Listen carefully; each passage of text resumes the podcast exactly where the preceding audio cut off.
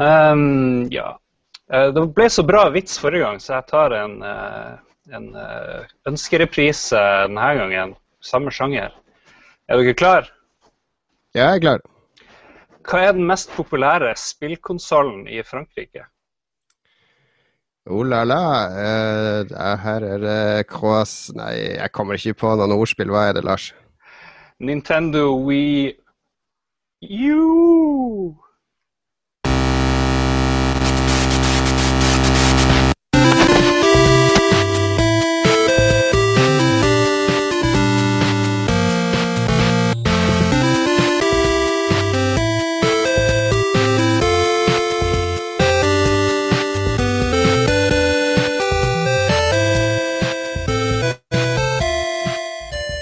nødt til å slutte med de vitsene dine, Lars.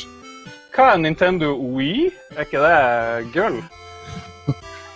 Det er eh, Nei, jeg, jeg, har ikke, jeg har egentlig ikke ord, Lars. Kjente du igjen musikken jeg spilte nå, forresten?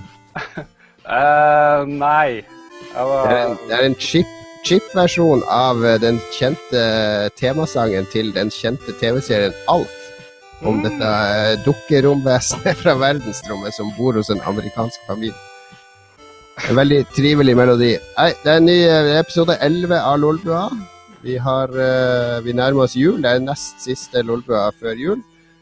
Og uh, det er en veldig spesiell uke denne uka her, for det kommer et uh, rimelig etterlengta norsk spill i de digitale spillbutikkene denne uka, på fredag, hvis jeg husker rett. Og i den anledning så har vi besøkt bergensstudioet Rain Games og prøvde å grave opp en nordlending. Og vi fant en uh, utflytta bodøværing. Velkommen til Lolbua, Aslak Helgesen. Er du med oss? Å, oh, lyden tror... din har datt helt ut, Aslak. Krise. Ta oss og Prøv å mute og unmute mikrofonen. Der. Nå, nå skjer det noe. Skjedde noen ting? Der er det, ja. Nå er det lyd. Det ble for mange nordlendinger på en gang der. Dette krasja. Google valgte å sjalte ut i hvert fall én av dem. ja, man skal ikke spøke med det. Google er strenge for tida. De driver og skjøtter ja. ned Let's Play-videoer i øst og vest. Ja, forstått det. Det er litt trist. Det er ganske trist. Vi har, vi har måttet gå ut på, på, bloggen vår og erklære at alle youtubere får lov til å bruke spillet vårt. Det er veldig hyggelig. Og det var også noe han, eh, han eh, Hva heter han? han eh, Jim, Jim, Sterling han hadde jo en sånn der rant om det der, for han sa jo at det eneste de oppnår med det her, alle de store aktørene, det er å skyte seg sjøl i foten. Fordi alle indie-utviklerne de elsker jo at folk lager video med spillene sine. og, og det blir jo da reklame, ikke sant. Så det så eneste som kommer til å skje hvis det blir superstrengt, er jo at alle indie-spillene kommer til å dominere dette bildet på, på YouTube. Så det får nå skje, det som skal skje. Det er ikke meg imot. Men la oss ikke henge oss opp i det. Uh, gratulerer med spillansering denne uka. Er du spent? Ja, uh, veldig spent. Jeg har, uh, jeg har skikkelig premierenerver. Jeg vet ikke om dere har, har drevet med teater noen gang, men jeg har akkurat samme følelsen. Som, skal, rett før du skal på scenen. Sommerfugler i magen. Da, fortell oss litt om Tesla-grad. Det er ikke sikkert alle har hørt om det. Jo, det er et det kaller jeg Metroidvania. Uh, det er det det heter, ja. Puzzle platformer-spill. Uh, som uh, er satt i en fiktiv by kalt Teslagrad. byen er vel si en visuell miks av, av, Bergen og, og Moskva. wow. Med kanskje noe innslag av, av andre europeiske byer og sånt. Også selvfølgelig figurerer elektrisitet og gal vitenskap eh, stort. Hei. Heter uh, Nikola Tesla. Nå ødela du et av de enkle spørsmålene mine i uh, quizen, som du skulle liksom få uh, din, ditt ekstrapoeng. Men greit nok. Nikola okay. Tesla. Bastard. Mm. Jeg leste litt om han. Det var jo en veldig interessant uh, dude. Man har jo hørt om han før. og ja, ja. Han er jo en sånn myte altså, Det var vel han og Edison som visstnok hadde som beef på den tida, for begge de to uh, har jo æra for mye av elektrisiteten som vi, vi, kjenner i dag. Men Tesla var vel kanskje det der uh, litt mer tilbaketrukne geniet, mens Edison Ja. var den gode Jeg mener at uh, Tesla jobba for Edison på et eller annet tidspunkt. Og så, eh, som historia går, så uh, rappa Edison oppfinnelsene til Tesla og, og ga han sparken. Eh, så, så, så på internett så er det mye sånn uh, rage som går uh, på grunn av det. Da, hvor man, man vil ha opp igjen Tesla som en uh, Gi han æren for det han skal lære for. kanskje. Og så spilte vel faktisk David Bowie spilte Nikola Tesla i, i en sånn film om to tryllekunstnere, der han ene brukte en oppfinnelse fra Tesla i tryllekunsten sin. Det er jo hva heter veldig filmen, da? Det må vi jo eh, finne ut i av sendinga. Men han lagde jo noe som er Tesla Tower, eller eh, lignende, som fins i hvert fall det stedet hvor Ja, har, dere sett, det. bil- har dere sett bildene av det tårnet? Ja, ja. Det ser, ja, er det i eh, spillet òg, kanskje? Nei, vi har faktisk, det tårnet i spillet er, eh, er ikke det samme, men, eh, men eh, det originale tårnet ser veldig crazy ut. Det er kjempemorsomt. Han skulle jo eh, transportere elektrisitet eh, uten kabler. Det var jo en sånn her, eh, drøm han hadde. Ja, sant. Ja, han, eh, han, eh, han fikk det vel til også, tror jeg. Eh, problemet var eh, at det var ingen som, ingen som Altså at eh, folk reagerte visst veldig negativt. og de, de var veldig engstelige for disse oppfinnelsene. Fordi han, han fabla om at alt skulle være gratis. At, at de skulle løse verdens energiproblemer og sånn. Men, men investorene hans ville jo, ville jo tjene penger. Så, så de gikk til Edison i stedet, så vidt jeg kan forstå. Eller Edison var helt med på det å tjene penger, så han, han vant. Det ble altså kapitalismen som vant over idealismen, kanskje. Ja, jeg tror det. Eh, Men uh, The, The Prestige heter den filmen. Jeg fant det ut nå. Det er Ja. Hugh, Hugh Jackman og, og en del andre. Og eh, som så mange andre filmer, så er boka faktisk bedre enn filmen. For jeg leste den boka et par år før filmen kom. ah, Så ja. det, men den er absolutt verdt å sjekke ut. Jeg har, jeg har sine Tesla-referanser, den òg. Men han har viktig inspirasjonskilde til spillet. Men jeg har også skjønt at spillet, det landet som spillet foregår i, altså den verden er tenkt større enn dette. I hvert fall leste jeg det på bloggen deres. Ja, det er, ideen bak er at vi har, en, vi har lagd en, en verden vi kaller for Kroma, eh, som egentlig er fire nasjoner. Hvor Mhm. Elektropia da, vi eh, vi, Tesla-grad ligger i Elektropia, som er en nasjon som driver med elektrisitet. Men så har du tre til. Den eh, eh, Angloria, som er en slags sånn britisk eh, parodi på England. Eh, Som driver med, med bioteknologi. Eh, og så er det Mesmer, som er litt sånn franskinspirert, som driver med, med psykologi. Eh, og så er det eh, Motorland, som driver med eh, maskiner. Ingeniørkunst. Jeg liker sånne gjennomtenkte backstories. De går mye dypere enn det, det spillet klarer å vise. Altså det, det liker jeg godt. Vi, har, vi, har, vi lagde jo et spill før eller Vi begynte på et annet spill før vi startet med Tesla-grad, eh, Mhm. som heter Min Minute Mayhem. Og Der figurerte de fire nasjonene litt tydeligere. Altså det, det var et sånn eh, versus eh, arena-skytespill. Ja, Hvor, hvor det var fire spillere, og så kunne du velge hvilken nasjon du ville representere. Da. Men uh, vi, klar, vi jobba en stund på det, men vi hadde på en måte problemer med å finne finansieringa og Ja. få, få gameplay til å sitte helt. da. Og så eh, tenkte vi litt om igjen for to år siden og, og starta med Tesla-grad i stedet. Eh, Mhm. Som jeg tror var et godt valg. Men vi har lyst til å lage flere historier fra det samme universet. Hvor lenge har du jobba i Rain Games? Eh, jeg, har, jeg var med fra starten av, før vi på en måte ble et firma. Så jeg var med og, og grunnla firmaet eh, eh, for tre år siden, blir det vel nå. Eh, men eh, Tesla har vi jobba med i to år. Eh, og jeg har ikke jobba 100% før nå i januar. Fordi jeg, jeg, jeg jobba et annet sted på dagtid, og så gjorde jeg Tesla på kveldstid. Ja, okay. Var og kikk på eh, CV-en din og på nettsida di, aslakhelgesen.no, Ja, hvor det er jo mye, mye gøy. Du har jo lagd noen eh, dødsbra ting, bl.a. en uh, musikkvideo til Casio Kids som er Ja, veldig morsom. Jeg pleide å reise rundt med Casio Kids med sceneshow og lage dukketeater sammen med dem i noen år. Var du med på Øya når de avslutta Øya et år? på Ja, den lille ja. ja, men da så jeg det, da, da så jeg det sikkert i kulissene der, for jeg, jeg var foran der. Vi sto, sto inne i en svær rød dukke og vifta den inn. Ja, det var en rimelig psykedelisk eh, slutt på kvelden når jeg kom gående fra den andre scenen, og så så jeg det gigantiske dukketeatret på scenen her. Det, det var Ja, det var, det var veldig gøy. Eh, men jeg måtte legge det litt på hylla etter at jeg fikk unge. Det var ikke så lett å reise rundt og turnere. Tell me about it.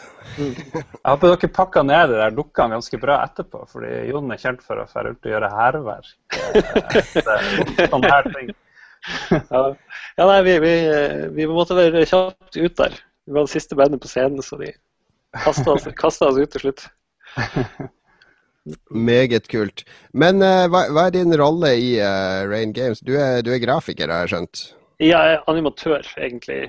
Mest. Som stått for animert alle, altså hovedpersonen og alle figurene? Jeg vet Og, ikke, ikke, ikke hovedpersonen. Det er det Ollie som er art director som har gjort. Uh, jeg har stått for mm, de fleste bossene uh, og, uh, og monstrene og sånn. ja, Og så har jeg gjort disse dukketeatrene. Små dukketeaterscenene. Ja, de Jeg har jo, eh, har jo runda spillet, så jeg har Ja. jo sett alle de. Men spesielt bossene syns jeg er superimponerende, for de er svære, og de, har, de er varierte, og, de, og alle har sin egen identitet. Det, og det er ikke ofte folk får til i sånne spill. Det er ofte litt sånn gjentagelser. Ok, skal vi møte en sånn flyvekar som eh, slipper bombe igjen, eller et eller annet. Men her er det det er liksom det, Jeg skal ikke si hvor mange det er der for å spoile men det er liksom eh, Alle bossene eh, byr på en helt ny utfordring. Ja, nei, vi har, vi har, en, vi har, eh, vi har en, eh, en veldig flink eh, programmerer som har gjort uh, bossfighten vår. Han er veldig han er sånn som elsker å prøve alt. Mm. Han, han, eh, han har alltid 200 ideer, og så, og så prøver vi alle ting. Og så uh, Han får det liksom alltid til å funke. Ja, Eller, det. som han sier sjøl, det funker. Det funker. det, var, det er tighte bosskamper, men det var litt, det er litt sånn uh, Det er mange faser på de bossene. Det er litt sånn prøv og feil. Du må dø i den ja. neste fasen, og så skal du tilbake til start. Og så eh, tok meg, tok meg en halvtime, tre kvarter, tror jeg, den der øyebossen. Ja, og den er fryktelig vanskelig. den er hardcore. Jeg, Jeg, jeg, har, jeg har bare slått den to ganger sjøl. Så ja, det er Vi har, vi har, vi har hatt mye diskusjoner om vanskelighetsgrad, faktisk. I, og det ser jeg på anmeldelsene at eh, det som faktisk eh, de fleste synes trekker litt ned, er at, at det er vanskelig. Jeg vil tro det er mye lettere med gamepad, for jeg satt og gnukka ja. med keyboard, og det virka veldig ut som at jeg bør fikse Gamepad anbefales, anbefales på det sterkeste.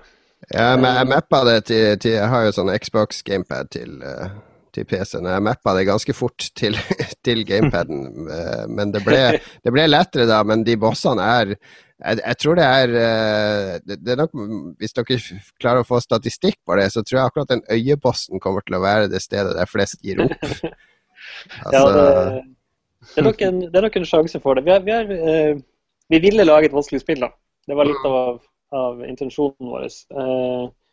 Og så har vi så har vi prøvd å, å Vi har slitt bort de verste tingene. kan du si. Det var en del ting i spillet før som var enda vanskeligere, om du kan tro det. Um, men men eh, det er jo også noe at vi er en indie-utvikler. Vi har kanskje ikke hatt uh, muligheten til å gjøre så mye test som noen med litt større budsjetter og sånn. Så, så den derre det, det blir, blir nok nødvendigvis ikke så mainstream Altså den typen vanskelighetsjustering som du er vant til å se i mainstreamen. Men eh, ja, jeg gleder meg til å fullføre spillet. Jeg satt i eh, en stund i dag og spilte det. og jeg tenkte Siden vi har en animatør med oss, så måtte jeg jo følge ekstra godt på det. Men det var jo sinnssykt deilig å se de her karakterene bevege seg. og Regn som datt ned og spruta på takene i starten der. og sånt. Ja, takk for det. bra. Nå har det også kommet inn og Twitter-meldinger ser jeg. Folk har drevet slitt med å finne ut hvor de Ja, jeg, har, eh, jeg har lagt ut link, så nå kan uh, Hei til Lasse Lervik fra Pressfire og Kristoffer Jetmundsen, uh, som, som sleit med å komme inn i sendinga. Jeg håper dere ser på nå. Ja. Men nok om det. Vi skal, uh, vi skal prate litt mer om Tesla-grad sikkert utover i sendinga. Vi får gå gjennom våre faste spalter. og Da bruker vi først å prate om uh, hva vi har gjort den siste uka. og Du kan jo fortelle Aslak, hvordan den siste uka nå før lanseringa har vært. Hva er det du har holdt på med? Jo, det har vært ganske intens start på uka med lanseringstraileren. Så mm. vi satt et par foran datamaskin i mesteparten av døgnet, vil jeg si. I både mandag og tirsdag. Og i helga før, for så vidt. Du har sittet i Final Cut og finklipt og, og ja, tatt opp? Ja, Final Cut og After Effects og Cinema 4D og ja. Laga grafikk og laga uh, klippen. og så, men, men, den kom ut i dag, den traileren, og, ja. og nå sitter du bare og refresher YouTube for å Ja, jeg er litt spent. Jeg er litt spent på hvordan det går. Vi, eh, skal ikke legge skjul på at det, eh, det betyr veldig mye for Rain om at, at spillet skal bli en suksess. Vi, ja. eh, vi, vi, trenger det for å kunne holde liv i selskapet. Klart det, men spillet er såpass unikt at jeg føler at det bør bli lagt merke til. Altså den, Den Consolvania-trenden er det mange som har kasta seg på den. Men mm. akkurat dere har den greia med at det er ikke, det er ikke noe sånn skyting og, og slåssing. Det er uh, puzzles i fokus, og så kommer ja. de uh, bossene som et uh, briljant temposkifte. Sånn at uh, jeg tror det er gode sjanser til å bli lagt merke til. og komme opp. Ja, vi, vi, håper jo det. Altså. Vi, vi, er jo inspirert av, av, spill som Limbo og Braid. Det mm. kommer mm. kanskje tydelig fram. Og, og heldigvis så, så, er det mange som da nevner oss i samme åndedrag som dem nå. Så sier at, at, eh, at, det minner litt om de. Eh, så da, da, har vi på en måte truffet der, tror jeg. Og Limbo er også kjent for å ha ganske brutal vanskelighetsgrad innimellom. Ja, absolutt. Nei, men det blir kjempespennende å følge med. Mm. Jeg kjenner spenninga di har smitta over på meg allerede. Lars, er det noe nytt oppe i Harstad? Her er det ufattelig mye nytt. Men eh, ja, det har jeg brukt veldig mye tid på i det siste, det er å lese en bokserie på 15 bøker som jeg har lest på en måneds tid ca. Space Opera den heter Honor Harrington-serien. og den er, den er, ikke særlig bra, den blir dårligere og dårligere. og Det jeg har blitt veldig flink til, det er å hoppe over store seksjoner av tekst eh, i én slump. For det er så mye beskrivelse av liksom, ting og tank, hva folk tenker om bullshit som man til slutt bare blir dårlig av å lese. Så jeg leser vel bare halve de bøkene etter hvert, tror jeg. Men når det blir action og eh, hva handler, med, hva handler, de om, da? handler om ei dame i, en, eh, i, et kongedømme ute i verdensrommet. De har fremdeles kongedømmer uti der. Hun har med seg en uh, tree cat, en katt med seks bein, som kan lese tankene til andre folk. så, som kan fortelle hva andre folk mener. Og så er det litt sånn romantikk eh, etter hvert, og ditt og datt. Og jeg tenkte det her må jo Jeg tenker av og til å ja, da skrev jeg ei dame, men så var det ikke det. Men det er litt sånn chick shit. Og så blir det plutselig masse action og militærgreier. Det er en sånn her gammel militærdude som har skrevet dem, så han er veldig glad i manøvrer og taktikk og eh, gammel fakta fra jorda om ulike slag og sånn som de bruker ja, Sånne, sånne militærfolk eh, i USA har jeg hørt at de, de, det er ganske mange av de som er glad i sånne sci-fi og Dungeons and Dragons og, og sånne ting. Det, det henger litt i hop. Ja, jeg klarer ikke helt å skjønne hvorfor. Men jeg anbefaler ikke den serien hvis man ikke har veldig mye tid. Men jeg ble nå bare hekta og tenkte ja, vi får fullføre det. Og så er det så lett å bestille neste bok når man har en Kindle. det er altfor lett. Har du, har du prøvd Kindle, Aslak? Nei, jeg har en iPad, så jeg driver og kjøper bøker på iBookstore. Ja, Nei, men Kindle er uh, Jeg har lest der òg, men Kindle er en sånn Det er sånn leserevolusjon når du begynner med det. det er, plutselig så leser du dobbelt ja. så mye. Ja. Og det er så deilig å ikke ha lys i skjermen. At det er ja, akkurat det. Jeg har, jeg har testa den en gang, men jeg har ikke jeg uh, har ikke hatt så mye tid til å lese, egentlig. Siste bok ja. jeg leste ferdig, var Game of Thrones. Mm. Ja, Solid, nettopp. solid serie. Ellers har jeg spilt Gran Turismo, og så syns jeg musikken var så utrolig dårlig at jeg måtte finne noe annen musikk. Så eh, her hjemme i Harstad, hvor jeg nettopp har flytta, så har jeg ikke noe min egen musikk noe sted. Jeg har jo bytta PS3, så all musikken jeg har lasta inn før, var borte, så jeg måtte laste inn ny musikk, fant jeg ut. Og da Eneste CD-en jeg fant her, var en som du hadde lagd, Jon, eh, som Oi. jeg fikk for lenge siden, med noen bilder av noen chicks på forsida du hadde limt inn. Og noen lettkledde damer med 'gamer' skrevet på T-skjorten og, noe sånt. Ja. Det her er, er 90-talls uh, relikk, jeg tror. Det er det. Og så eh, fant jeg mye morsom gammel, eh, gamle greier du hadde lagt inn der. Pluss en random mappe med bilder som jeg ikke tør beskrive for mye av. For det var bare sånn her eh, stygg, styggeste pornoen jeg har sett, med sånn her gaping eh, dill og dal. Ment for å provosere, selvfølgelig. Det her tror jeg må være fra når, jeg, når vi jobba på Akersmik, for da satt vi, når vi fikk internett i kassa, så satt vi for det meste på uh, Style Project og uh, Rotten og .com og hva de het, alle de sidene. Og det var om å gjøre å toppe hverandre i å finne de verste, kvalmeste bildene. Så jeg tror det må være fra den tida der. Men eh, Ja, det var den der, Du husker den sangen Aisha som eh, Hvem var det som lagde den, da? Som Det du brukte ja, Death in Vegas med in han uh, Iggy Pop på vokal. Ja, Ja, da, da er det den tida 2000, der- og- 2001, da. 2000-2001. Ja, nei, jeg tror faktisk det Ja, rundt, rundt 2000. Ja, noe sånt. Yes, Flott at du hadde funnet den. Kan du kaste den fortest mulig før barna og kona mi finner det her? Og så, så pløyer vi videre. Jeg hadde utrolig mye som har skjedd det siste. Eh, torsdag så hadde jeg sånn julemiddag for alle eks-redaktørene i Nei, jeg er borte nå. Nei da. Det skjedde noe med bildet mitt. Ok, Torsdag så hadde jeg julemiddag for alle eks-redaktører i Game Reactor. Det har jeg hatt siden jeg jobba i Game Reactor. Det er alltid veldig hyggelig. Da møter jeg Carl Thomas igjen, som har, uh, han var redaktør i Game Reactor i mange år. Og han starta opp Level Up i VG, men nå spiller han faktisk ikke i det hele tatt. Oi. Han er gift og uh, jobber i PR-bransjen, så har blitt voksen. Men, uh, men hyggelig kalkunmiddag. Det ble Jeg tror ikke de to andre gjestene vil at jeg skal snakke for mye om den, for det, ble, det gikk rimelig hett for seg utpå natta der. Men eh, det er en veldig fin årlig tradisjon. Og så var jeg med på podkast med Level Up-gutta, Rune Fjell Olsen og Carl Martin og eh, han eh, Bjørn, på, på mandag, var det vel. Og det var litt som vår podkast. Det var med video og alt, og så gikk den live. Men den store forskjellen var jo at altså vi har jo 11 viewers nå, men på den så hadde vi jo sånn 700-800 viewers på det, på det meste. Så eh, det var litt, litt sånn forskjell der, men ellers var det jo Vi satt jo bare og prata tull. Så det var ikke noe annerledes enn vi gjør her. Jeg tror vi har mer øl enn på Level Up-podkasten. Kan det stemme? Det var lite øl der. Det var litt, veldig lite øl. Det var eh, Coca-Cola det gikk i for det meste, virka det som. Ikke Red Bull, altså. Ikke gamere. Nei, altså jeg kan avsløre at Carl han eh, drikker ikke kaffe ennå, men han må ha burn på morgenkvisten for å komme ordentlig i gang. Og det er jo den nye generasjonen sin kaffe. Eh, Og det siste jeg har gjort, er jeg kjøpte en Xbox eh, One i USA fra Amazon, for jeg har en eh, veldig snill svigersøster der borte som skal ta den med hjem til jul. Gratulerer. Ja, jeg skjønner jo at den ikke kommer her på en stund, men det skal vi snakke om i nyhetsspalten, som eh, kommer faktisk akkurat nå.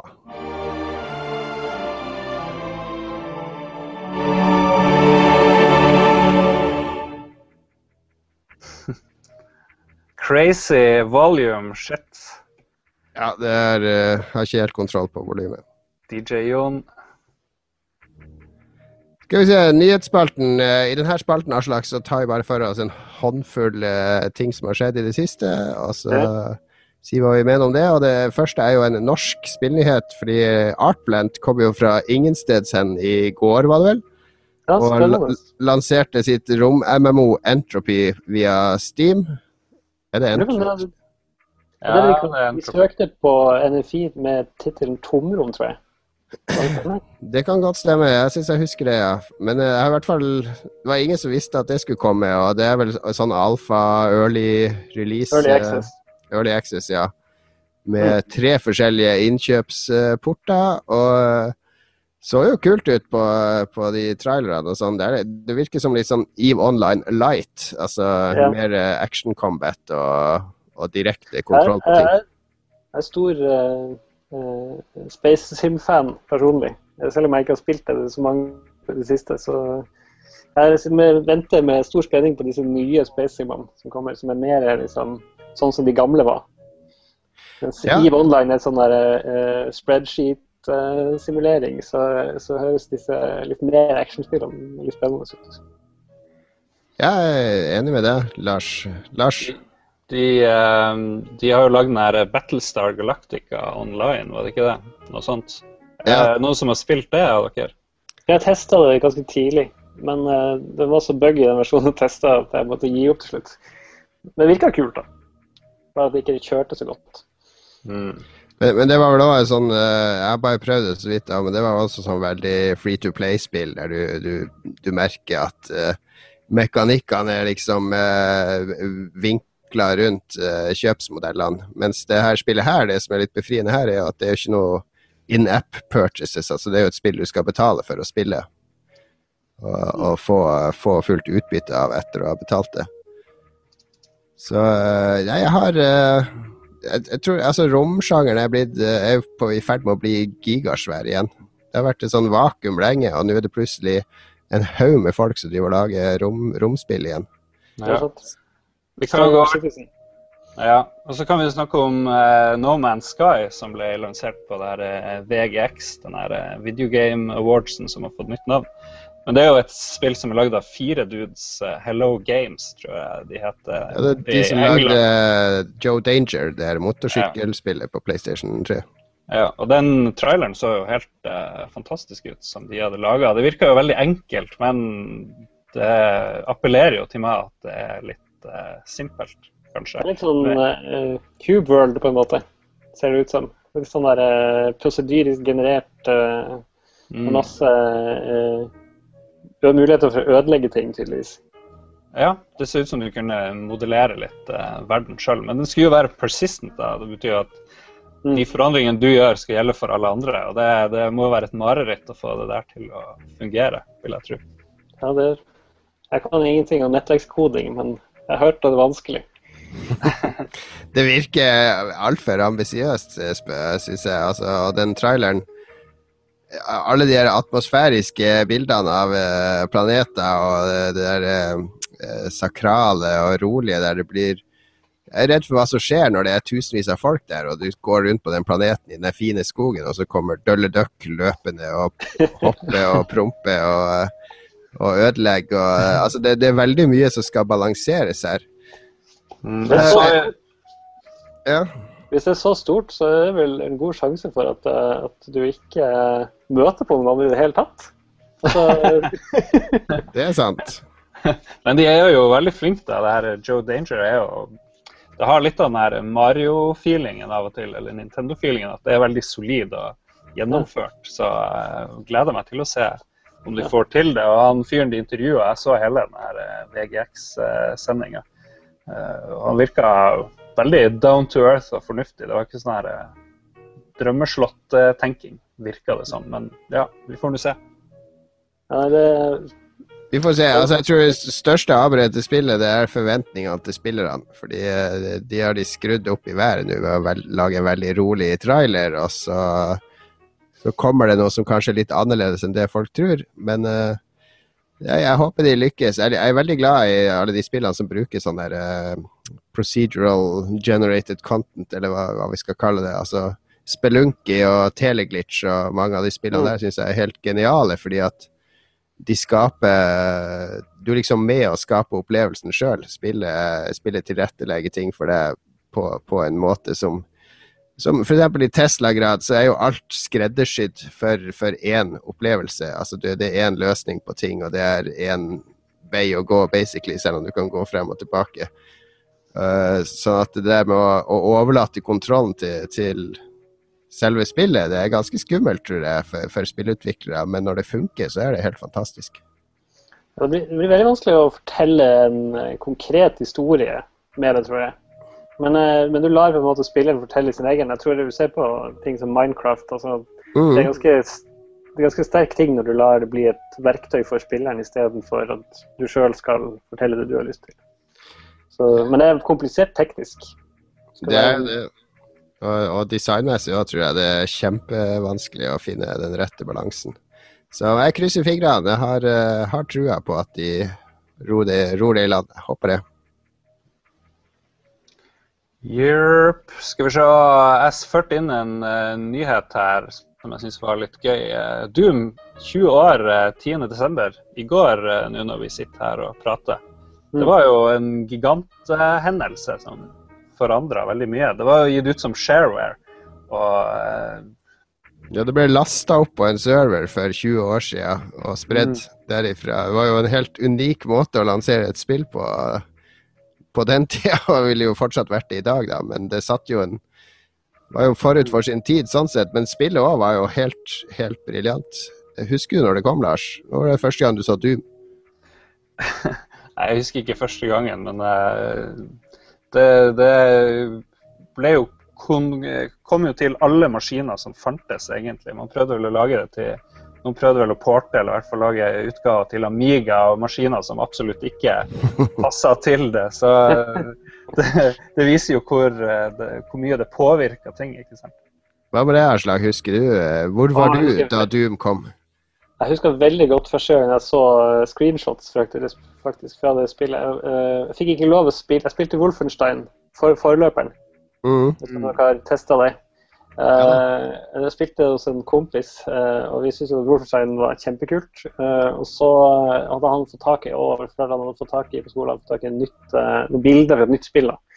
Så gikk vi hjem til han i, i friminuttet og, så på de bildene og var helt sånn himmelfallen. og vet du, så, Det så helt ekte ut. Ja, ja, ja. Så jeg, eh, så, så det var liksom første gangen jeg hørte om Doom. Det var via noen sånne eh, screenshots de hadde sluppet før selve demoen kom. Uh, og vi spilte jo den demoen til døde før det var mulig å få tak i spillet i Norge også. Så, Det er veldig trist å se hvor Doom er i dag, da, eh, 20 år etter introduksjon. Jeg vet ikke hvor mange år man har Når man lanserte Doom 4, men jeg tror det var i 2007 de først begynte å snakke om det. Så begynte de på nytt i 2011, hvis jeg husker rett. mm.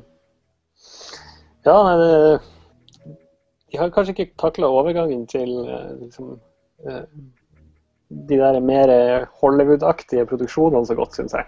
I, som generelt, så jeg har vært litt skuffa over både Rage og Doom 3 og de siste Quake-spillene. Så jeg liksom, sl- har slutta å håpe på at Doom 4 skal bli en bra. Ja, nei, eh, jeg, jeg personlig syns jeg Rage eh, innfridde fordi de kampene var så tight. Altså de, når du var i de korridorene inne i de byggene mot de folkene. Det var veldig tight kontroll og veldig høyt tempo. Men Mm. det, min, det minner meg om gamle Doom mer enn Doom 3 gjorde, for å si det sånn. Ja. Men uh, nå er jo er ikke Carmack med heller lenger, så nå vet jo Nå vet jeg ikke hva som skal skje med, med Doom-serien i det hele tatt. Kanskje det blir eh, showcasen til, eh, til eh, Oculusen. oh, Kanskje det var det. Ja, vi kjøpte en Oculus til Rain. Jeg har lyst til å eksperimentere litt med den. Men jeg har ikke hatt så mye tid, bare. Jeg lurer på hvorfor. Har vi flere nyheter, Lars?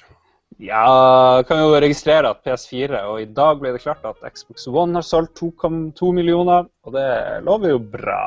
Det er jo sikkert mange som er overraska over at uh, Xboxen har solgt såpass mye, men det er vel fremdeles uh, så få maskiner og så mange som har lyst på den, at alt selges uansett. Så vi får se om eh, et halvt års tid hvordan det egentlig går, tror jeg. Ja, det selges, uh, selges jo mer eller mindre ut, alt som kommer inn. Men jeg fikk kjøpt fra Amazon. Jeg, fikk, jeg satte meg opp på sånn mailingliste og fikk mail når de fikk inn da. Det var ikke noe problem å kjøpe da.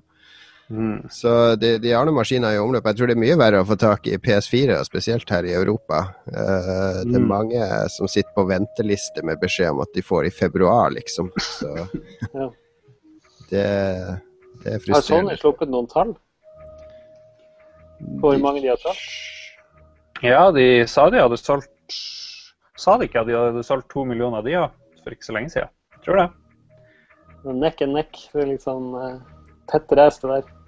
Ja, men det er en del dager siden, og i dag kom det på Xbox, så det går vel fortere med med Mm. PlayStation. Så hvis du fortsetter i det her tempoet, så har de gått forbi VU før julaften. tror VU har jo ikke solgt to millioner ganger i det? Jo, de har solgt uh, nærmere fire, tror jeg. Det okay. stoppa helt opp etter tre mil. Men, eh, men når Tesla-grad kommer på VU, da skal du se at det blir fart Ja, i ja, ja. Det er eneste neste generasjonskonsoll som har Tesla-grad, vet du. Ikke sant? sant? Da blir det en system seller. Det er det vi satser på. Eh, Det er jo flere spørsmål om Xbox One i vår lytterspørsmålsspalte. Ja, vi kan jo vi kan avslutte vår uh, nyhetsspalte. Vi hadde vel ikke flere nyheter nå. Vi driter i nyheter. Vi har jo, bruker jo egentlig å gå gjennom en uh, nyhetsside, men uh, denne gangen var det så mye greie nyheter, så vi kunne eh, ta Ja, det, spare tror- det til neste gang.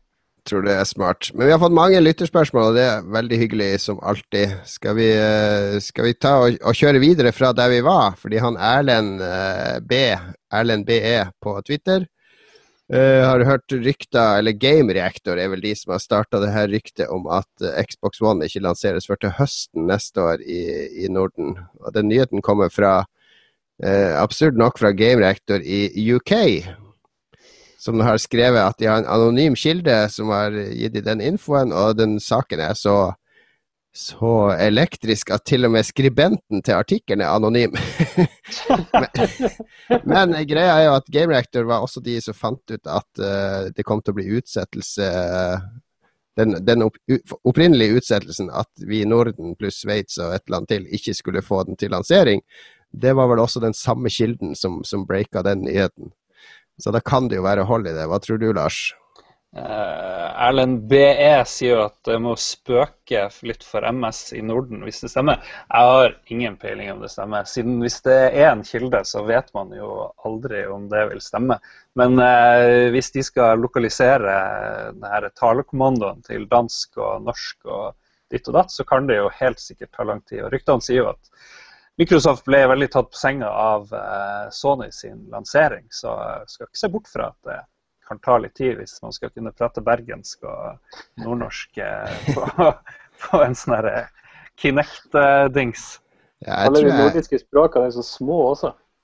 ja, det er det utrolig mye ressurser som skal til for å, for å skaffe nok data til å lage den stemmegjenkjenningsgreia. Altså, det funker jo bare sånn OK bra på engelsk, der de har eh, sinnssykt mye data. Hvordan skal de få det til å funke i norsk? Det er, jeg, jeg tror det er det som holder igjen. Jeg tror en eller annen i Microsoft at det er en eller annen sånn der eh, gylden regel hugd i steinen som de har laga for denne konsollen eller annen maskinvare eller alt annet de skal lansere, at det skal være lokalisert. Funksjonene skal være lokalisert. De skal være på lokal, lokale språk. Mm. Og det, da tror jeg at, eh, at det, det kan utmerket godt stemme at de venter til, til høsten. De, de tenker ikke enkeltmarkedet, vi må få det ut. De tenker De har et sånn overordna strategisk perspektiv som overstyrer alt det der. Så jeg tror nok Microsoft i Norge er ganske frustrerte over, over situasjonen. Thomas Heger spør hvorfor er det så i sabla vanskelig å lage en god spillprisutdeling som ikke skjemmer ut bransjen for offentligheten. Eh, jeg vet ikke om du har vært på noe spillprisutdeling uh, nede i Bergen eller eh, andre steder. Eh, spør du meg? Nei, jeg Ja. har ikke vært på noe ordentlig spillprisutdeling. Det har jeg ikke. uh, så langt. Vi jo, vi, vi, kanskje, kanskje vi skal prøve å melde opp Tesla-grad til noen, eh, noen priser og se om vi har, har en sjanse. Men, eh, men eh, vi, har, det vel, vi, har, vi har ikke hatt noen prisutdelinger i Bergen heller. Det er vel eh, i Oslo og Trondheim, faktisk. vet jeg har hørt. Jon, Ja, du var jo i eh, jury på, eh, på Gullstikka, var du ikke det i mange år? Ja, i, i injurie, kanskje. Nei da. eh, Det, det er, jeg bare skyter raskt inn, for vi fikk en melding fra Lasse Lervik her om at Presswire har fått samme signaler som GameRector fra flere kilder nå om at det blir høstlansering. Så da, da kan det tyde på at det stemmer. Mm. Men tilbake til uh, prisutdeling. Jeg har sittet i Gullstikka-juryen i mange år uh, og vært juryleder òg, og, og det, ble, det ble bare dummere og dummere. fordi det ble I starten var det en, en pris uh, Det var jo de distributørene som arrangerte den, og de skulle kåre fjorårets beste spill. Og i starten så var det jo også i fagjuryen da, som kåra vinnerne. Og da var det egentlig Da kunne vi kåre de spillene som vi syntes var best, ikke de som hadde solgt mest. Og det, det gikk jo litt på tvers av deres ønsker, der, for de ønska jo at det her skulle være sånn promoteringsverktøy for de bestselgerne deres. Mm. Uh, så at gradvis så ble mer og mer makt tatt bort fra juryen, og det ble en sånn avstemning, ikke sant. Og problemet med en avstemning vil jo alltid være at uh, når, når man skal kåre årets plattformspill, så må jo da uh, Tesla-grad konkurrere mot, mot Mario, f.eks. Mm.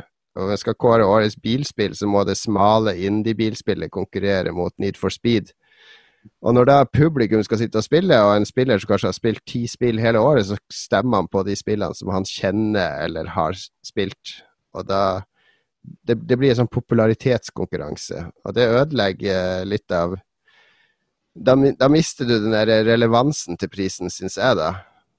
Uh, så at Gullstiga sitt problem i alle år har vært at det har ikke klart å bestemme seg for om det vil være en popularitetskonkurranse eller en kulturpris eller en bransjepris. Det har blanda alle tre på en sånn teit måte, sånn at det å fronte det for publikum har blitt veldig flaut.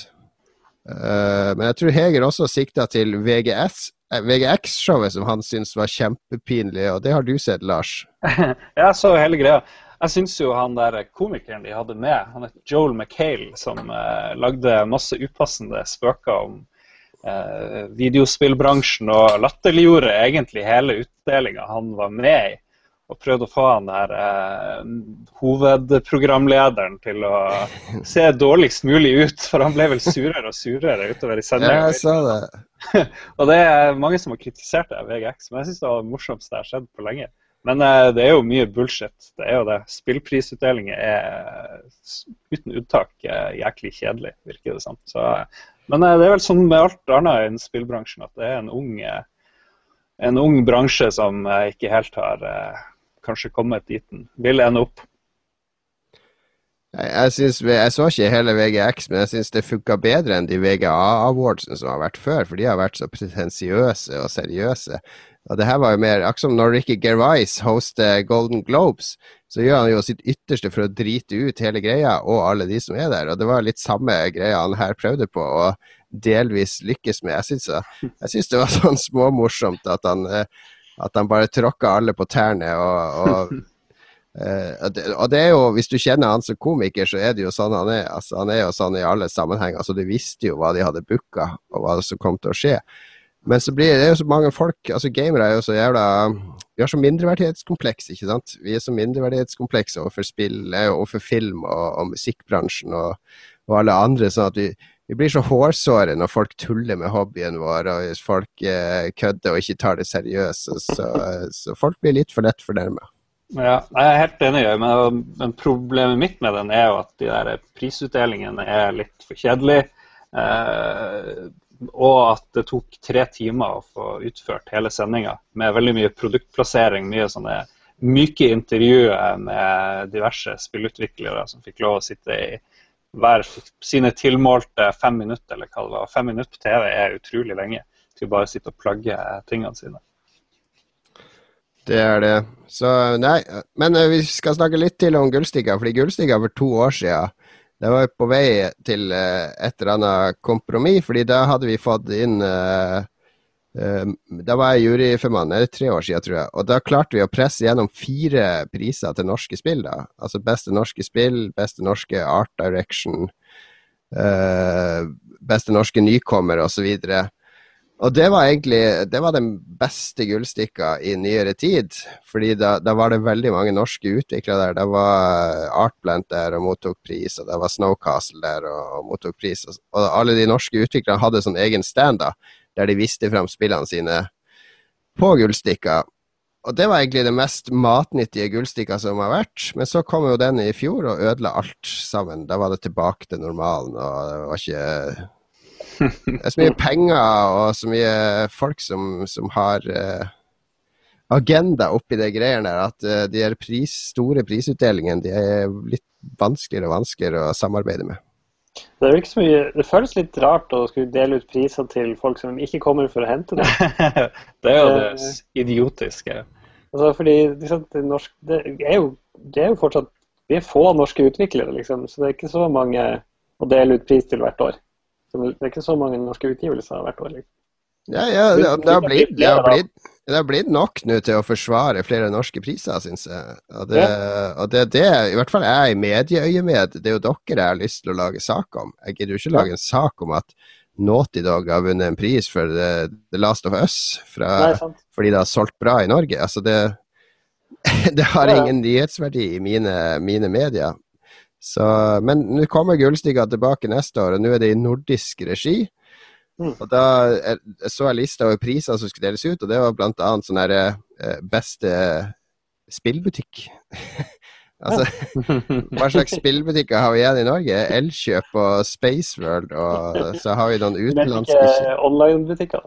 Nei, nei, nei, for det, det, her er jo de fysiske spilldistributørene som betaler gilde. Så de, det, altså den naturlige vinneren er jo Steam. Det er jo der alle går og kjøper spillene sine hele tida. Men uh, ja, nei, er, de får kjøre sitt eget løp. Er, de har utspilt sin rolle, den greia der.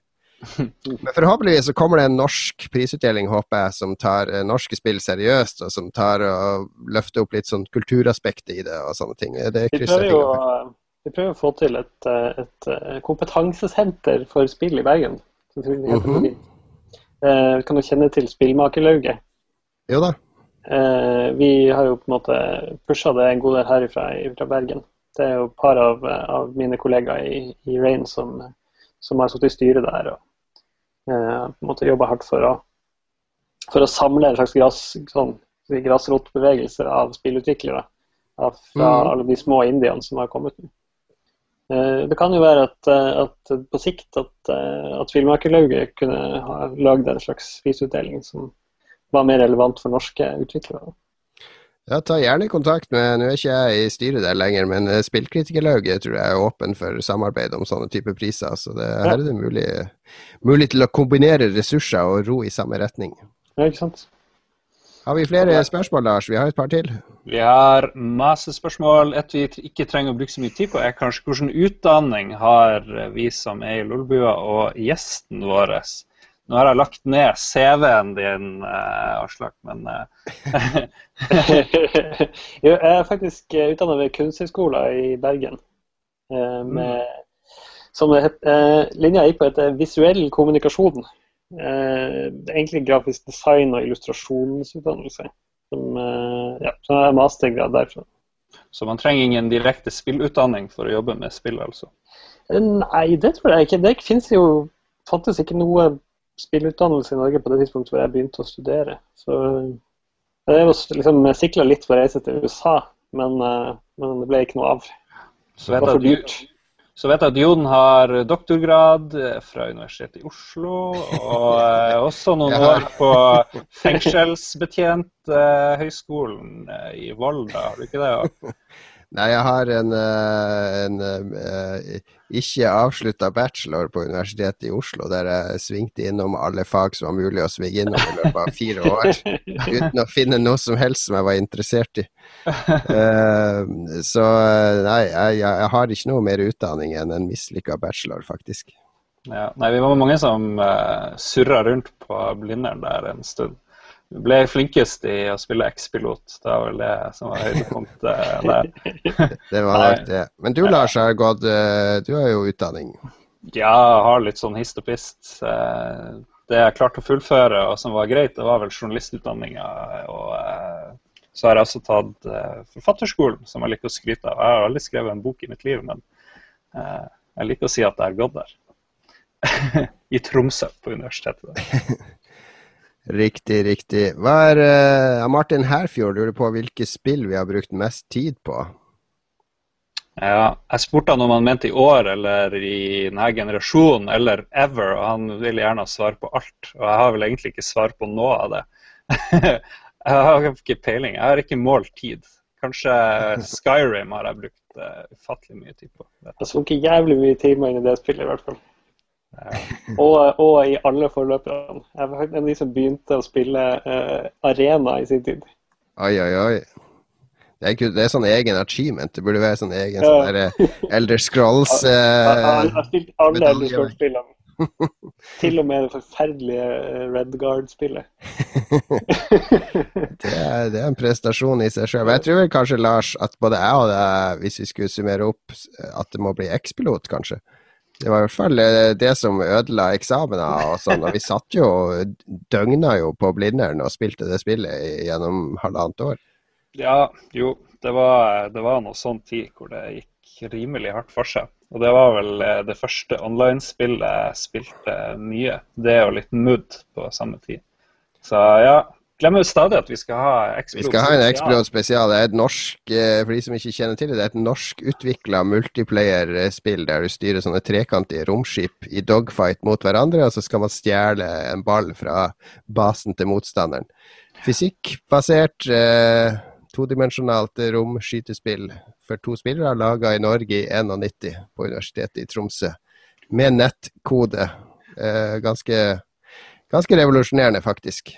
Du sa for to spillere, men det er jo for kjempemange. Ja, for åtte. Vi var vel åtte som spilte sammen. Ja, så det skal vi ta. Det er da vi skal ha Tore, den uh, legendariske uh, gjesten som vi lover. Han var vel kanskje Norges beste, han og Koga Kaisha Kaninen. Eller han kalte seg, Knut. Det var Han og Knut var vel i hvert fall de to beste i Norge, som er, det vil jeg si. Ja, min favoritt var Lard Ass, bare pga. at han hadde det awesome navnet og et, det sykeste romskipet, for du kunne tegne dine egne romskip. Ja, du kunne bruke noen få vektorer på å designe romskipet ditt, og han lagde jo da en sånn der Y-front-truse som han fløy rundt med. Det var tider, men la oss nå ikke mimre for mye. Gamechick lurer på om vi har vært bekymra for å bli spillavhengig, og om vi noen gang har tatt helt fri fra spill over en lengre periode. Mm.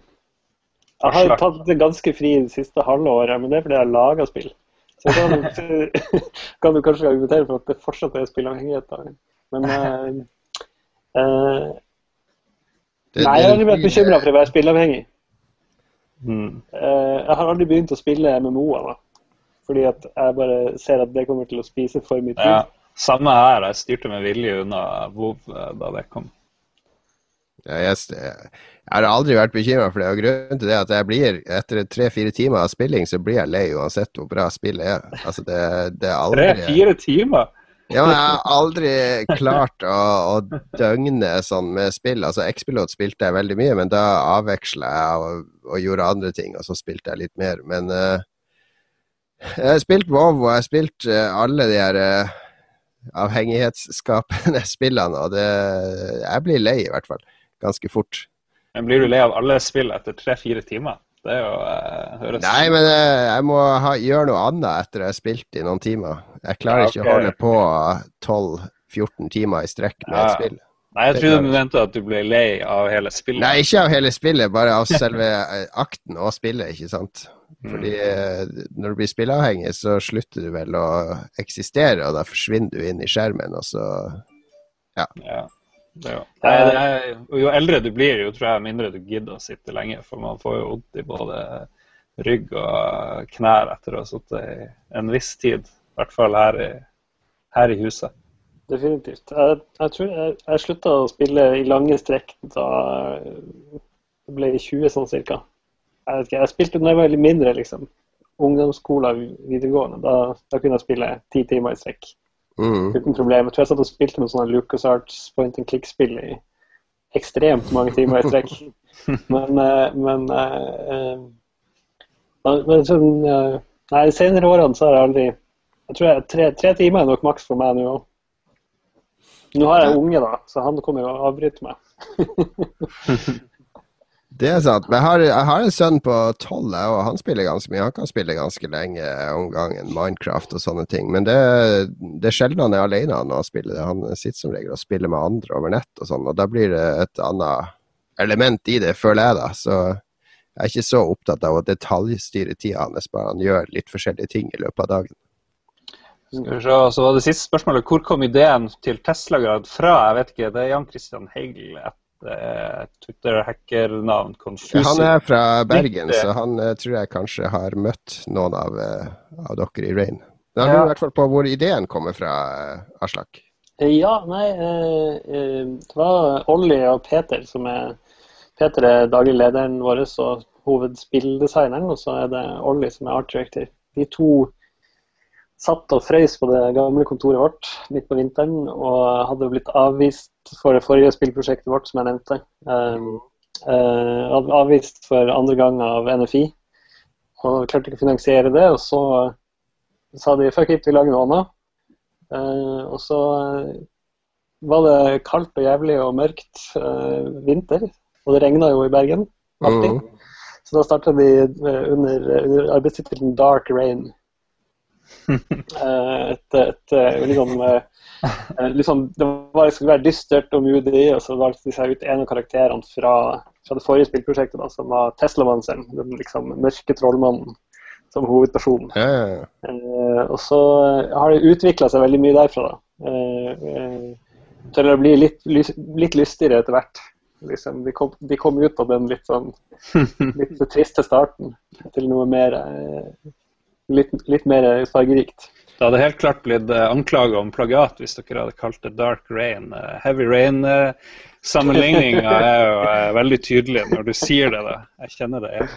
Og det kom, det kom, jo til og med et spill som heter Rain i oktober, og forrige, forrige, for to uker siden kom det også et sånn Rain-spill på, på, Steam. Ja. Som, vi er alle eh, veldig glad for at vi skifter navn, faktisk. Vi er fornøyd med, med tittelen. Kommer ja, vi Tesla-spill også nå, da? Gjør de det? Ja, han eh, Tex Murphy, eller hva heter det, dette eh, gamle adventure-spillet, har blitt kickstarta med et, et, et Tesla Effect eller noe sånt. Ai, ai, ai. Så den, men, uh, men, fordelen med å ha et tittel som Tesla-grad, er jo at når du googler den tittelen, så er det dere som har alle, alle treffene på, de, på, på alle sidene. Altså, det, ja, det, er noe... det, det, er supert. Vi har, eh, vi har virkelig klart å liksom hugge den tittelen. Den, eh, er blitt vår.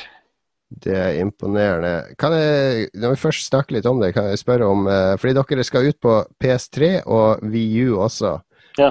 Åssen gikk det til at dere kom inn der? Var det en vanskelig prosess, eller var det Det var faktisk litt interessant, for det var Nintendo som kontakta oss. Vi hadde vært litt i snakk med Sony, og vi prøvde å få kontakt med Microsoft. Vi hadde liksom hatt litt flaks med Sony. De, hadde, de ba oss om å søke på den der Indie Fund. Mm. Uh, så der var vi på en måte inne og søkte på det, men vi tapte mot Jeg husker hvilket spill det var. Det var en av de som eh, De har kommet ut allerede. Men i alle fall, det er ikke så viktig. Den uh, videogreia var at Nintendo, det var noen Nintendo America som hadde sett en video av spillet vårt. Mm. Uh, og var interessert i, i det, og liksom, om vi kunne gi det ut på deres plattform. Så vi prata med de i påskeferien, så var vi i San Francisco og snakka med dem.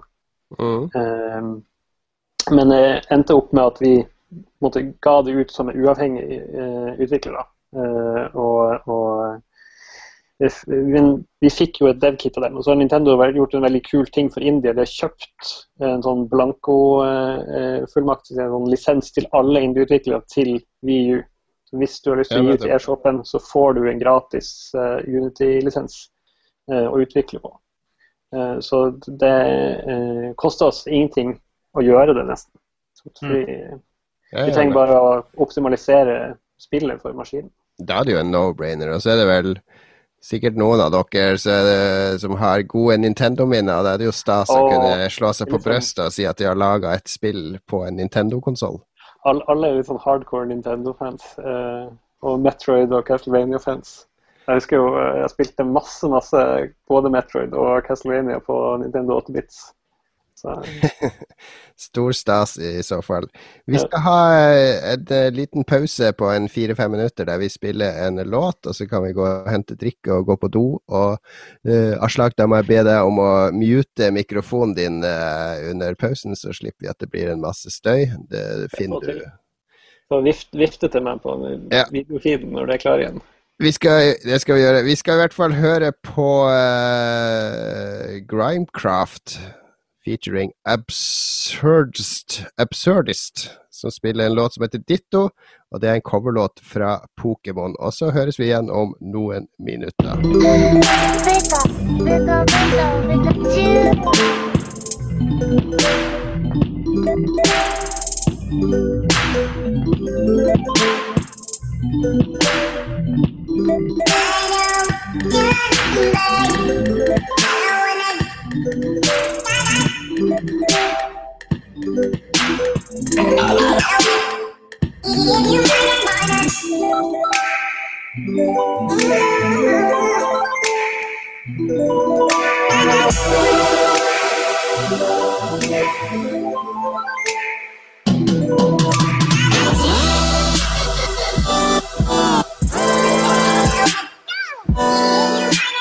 Oh.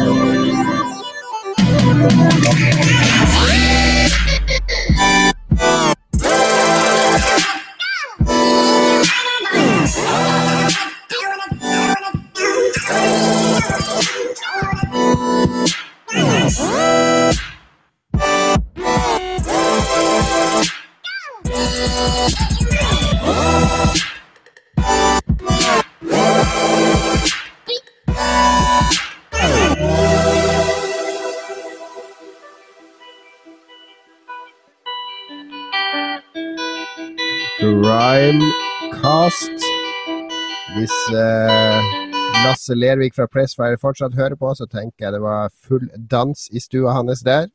Han er jo grime-kongen i Norge. Grime-DJ og greier. Verdt å sjekke ut for alle som bor i Trondheim når han kommer opp og besøker de der. Vi skal linke til det på, eh, på Nboss. Um, er dere tilbake? Har dere unmuta mikrofonene? Vi er i gang igjen. Og vi er i vår faste spalte ting vi har spilt i det siste. Da kan vi åpne med vår gjest, som eh, foruten å lage spill, så spiller du jo litt òg. Hva, hva, er det du har spilt eh, den siste tida som har gjort inntrykk på deg? Jeg spilte her er remaken av XCOM.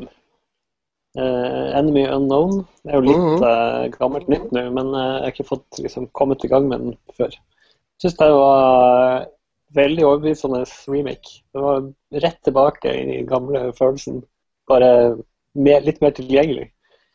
Ja, absolutt. Altså, det, det, gamle spillet er, eh, det er rimelig uspillbart i dag. Jeg, jeg snakka med ja, noen som prøvde å spille det på nytt når den skulle komme i fjor, den der eh, nye, og det er du skal være Du skal ha spilt det utrolig mye på 90-tallet for å gli rett inn i det systemet nå. Men ja, uh, ja det er uh, Det er briljant. Og det kommer en sånn expansion nå da, som jeg har lasta ned, som jeg skal spille så snart det roer seg litt. Den Enemy Within, som, som legger til masse nytt i spillet. Så Ja. det, det var et av fjorårets kuleste spill, synes jeg, da. Ja, det var skikkelig høydepunkt for meg. Det var liksom eh, eh, Og så jeg spilte det faktisk på en iPad, og jeg var eh, helt overraska det går an å spille sånne spill på iPaden. Det var Ja, men sånne spill er spill ja, De er nesten skapt for iPad. Altså, det, det, det er jo naturlig styring på det.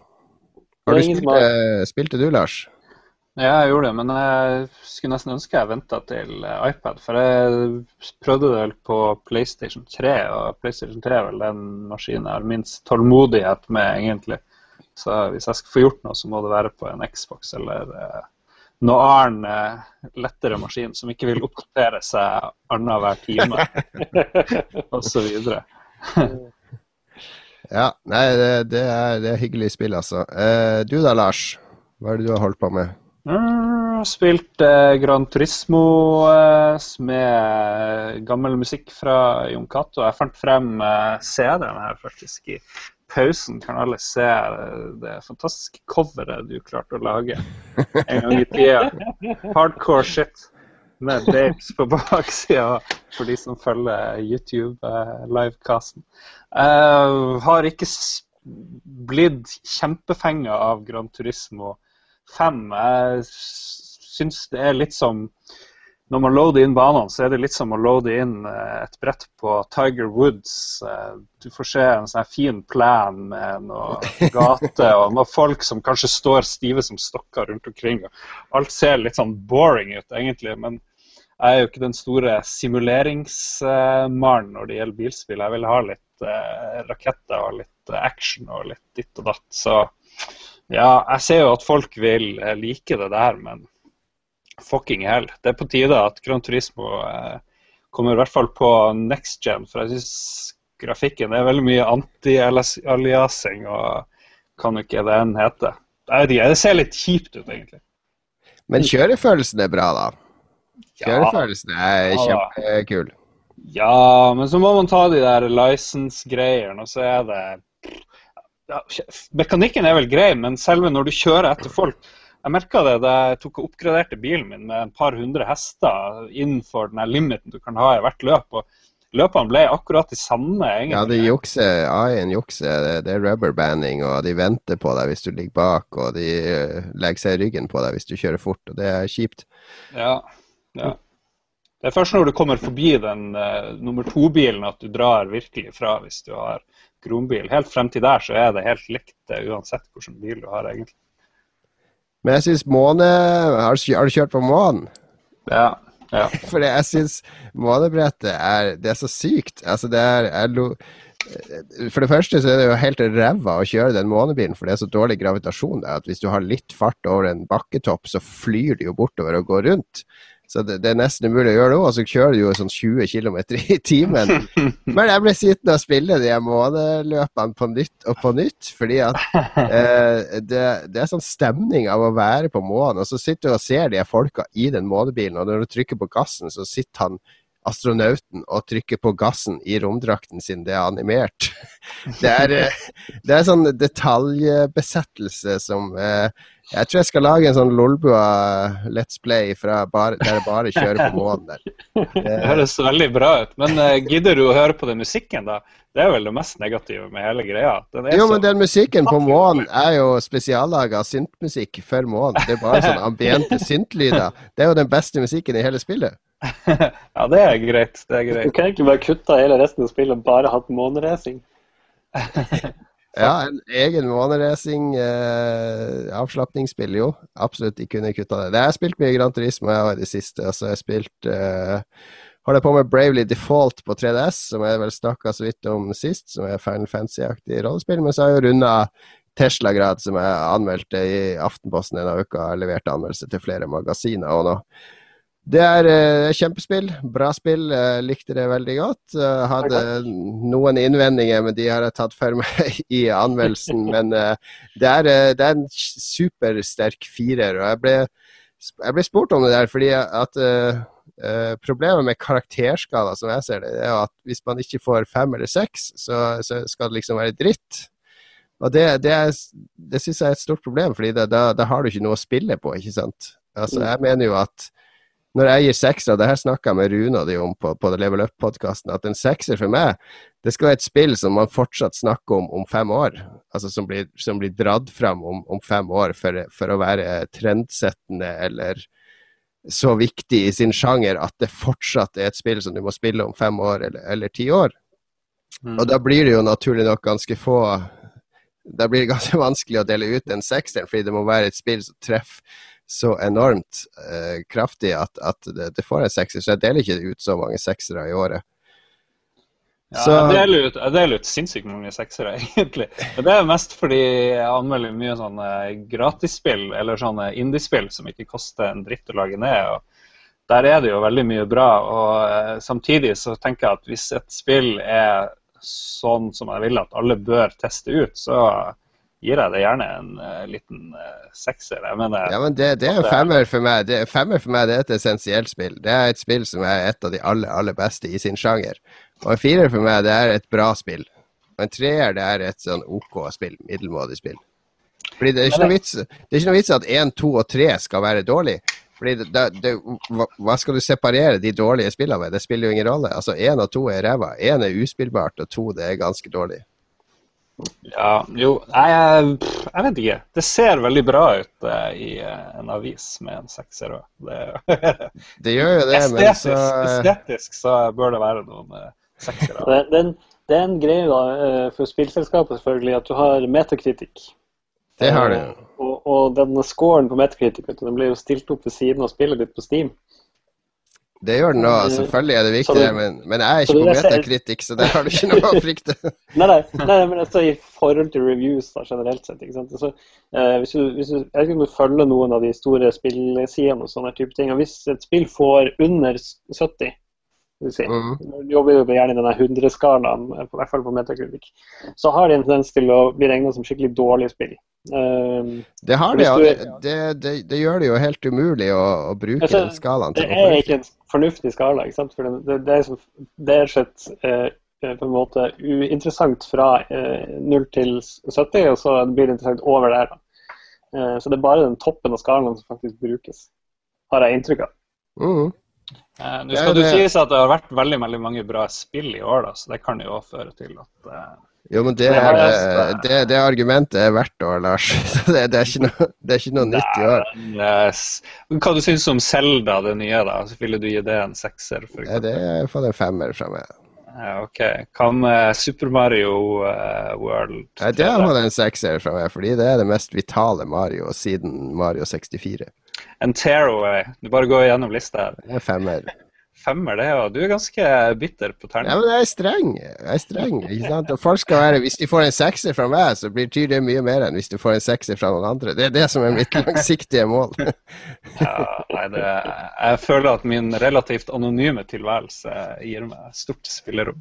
Men, men, det er artig det Aslag nevnte med, med metakritikk. For det er også en bakside av den medaljen er jo at, at en del utgivere opererer jo med kontrakter som gjør at spillet, hvis spillet får over 77 eller 78 på metakritikk, så vanker det bonuser til spillutviklerne. Og da, da, jobbes det ganske intenst overfor pressen med å velge ut nøkkelpresse og smøre de og tilrettelegge alt for å få komme over denne scoren. Altså det, det legges, brukes enormt mye ressurser på å legge opp en strategi bare for å komme over denne scoren. Og det, og det er ganske, ganske dirty spill når du har stått på, på eller jeg har aldri vært en del av de som har blitt smurt, men jeg har sett hvordan det funker, det greia der. Det, det er rimelig dirty opplegg for å få opp den scoren, fordi så mye er avhengig av den metakritikk-scoren eh, finansielt og, og, hele pakka. Jeg tror Bungie har vel en sånn kontrakt med Activision òg, som jo ble lekka eh, for, for Destiny-spillet. Og der er det jo helt konkret at det må nå de og de scorene for at det skal fortsette den serien osv. Mm. Ja, det er litt sånn det, det er et slitsomt uh, regime å leve under, tror jeg. Det, det, er fint for oss selvfølgelig på, som er India at vi på en måte ikke har noen sånn corporate uh, overlord som sitter og trykker på oss. Men, men uh, Eh, vi vet at det kommer til å bety noe, da, eh, fordi Mm. at det er veldig mange som baserer kjøpet sitt eh, på en sånn online-butikk, på hva slags eh, score vi får. Klart, klart. Nei, det er eh, Nei, det er vanskelig. Jeg vet også at de anmelderne som har anmeldt de her storspillene som veldig mye penger rir på, de, de sitter og har det i bakhodet at hvis jeg gir det her en, en, syver, så rø- frarøver jeg de folka som jeg var festa med i to uker for en bonus på, på en årslønn, ikke sant? Ja, ja. Det, det, nei, det er skittent spill.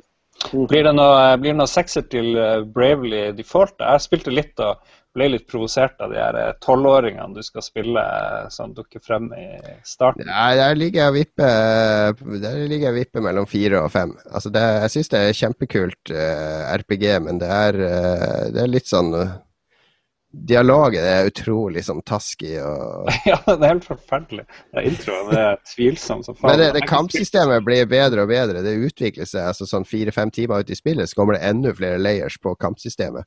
Og det, det liker jeg veldig godt. Ja, nei, jeg har sjøl ikke spilt det så mye at jeg kan gi noe fornuftig Hva, hva, hva, hva betyr den tittelen? Jeg, jeg, så det på en tittel. eh, Bravely Default. Det var sånn uh, Modig gjennomsnittlig? Eller, eller noe sånt? Eh, Nei, det er, I kampsystemet så har du to moduser. En som heter Brave, og en som heter Default. Aha, Og ok. default, der går du inn i en sånn der defensive stance. Og da sparer du runden din. Så du kan, hvis du går inn i den fire ganger på rad, så kan du ta fem actionrunder på rad ved å gå inn i brave-modus. Så, så det spiller på de to modusene, men eh, det er ikke noe logikk i valg av navn, egentlig. Det er det Ja, ikke. eh, veldig fascinerende tittelvalg, nemlig. Det er det. Det var det vi hadde spilt i det siste. Nå er det ikke introen din, Lars, for den har ikke jeg klart å mappe til. Det for å mappe seg ut av knappen hver gang jeg skal få den inn igjen. Det er jo den beste jinglen vi har her. Vi må eh, passe på å få den med. Det er bare å glede seg, Aslak.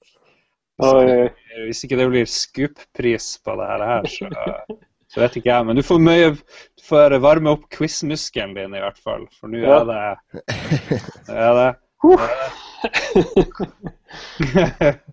It's almost there, altså. Så, men jeg må jo med Quizmasteren! Det er